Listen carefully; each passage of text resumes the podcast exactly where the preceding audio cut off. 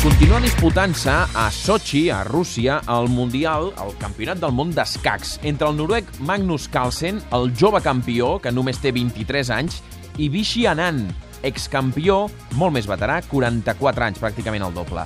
En la cinquena partida disputada avui han tornat a acabar en taules, en empat. Això vol dir que el resultat és de dos i mig a dos i mig, perquè tots dos han guanyat una partida cadascú i les altres tres que han disputat han acabat en taules, per tant, mig punt cadascuna. N'han guanyat aquestes partides, el eh, campió es decideix en 12 partides, s'endurà 600.000 euros. Per què ens fixem en aquest eh, títol mundial?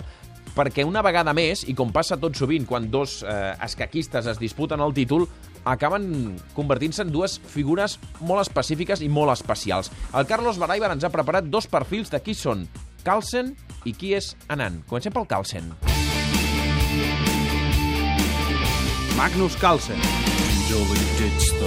El jove campió de 23 anys és el jugador d'escacs de moda, si és que n'hi ha algun. Va ser el campió més jove de la història als 19 anys i és gran mestre des dels 13, el segon més jove després del mític Kasparov. Supercampió de tot, Mozart dels escacs, el que era la jove promesa ja és la jove realitat. De nen ja era capaç de guanyar 10 partides simultànies contra jugadors experimentats amb els ulls tapats.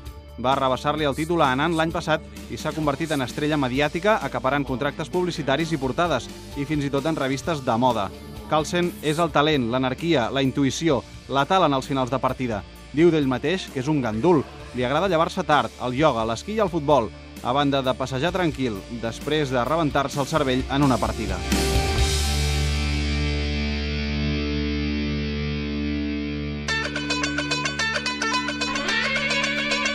Vishwanathan Vishi Anand. Té 44 anys, és el jugador d'escacs més veterà jugant al més alt nivell.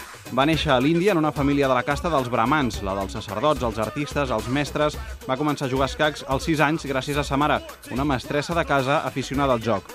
És el gran supercampió indi, una eminència al subcontinent.